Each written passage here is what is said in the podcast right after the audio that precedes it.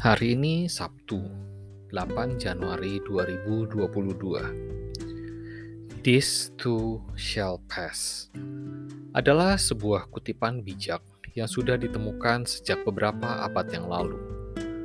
Diceritakan bahwa seorang sultan meminta dibuatkan sebuah cincin dengan tulisan di dalamnya yang dapat relevan di semua kondisi, kondisi baik maupun kondisi buruk. This too shall pass mengingatkan kita bahwa segala sesuatu yang terjadi bisa berubah. Kondisi baik bisa menjadi tidak baik, kondisi buruk bisa menjadi baik. Ketika kita mengalami hal yang buruk, ingatlah bahwa hal buruk akan berlalu. Ketika kita mengalami hal yang baik, ingatlah pula bahwa hal baik pun dapat berlalu.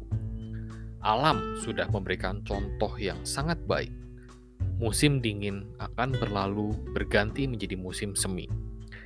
Dan musim semi pun akan berganti ke musim panas. Musim panas ke musim gugur dan musim gugur kembali ke musim dingin. This too shall pass. Selamat beraktivitas.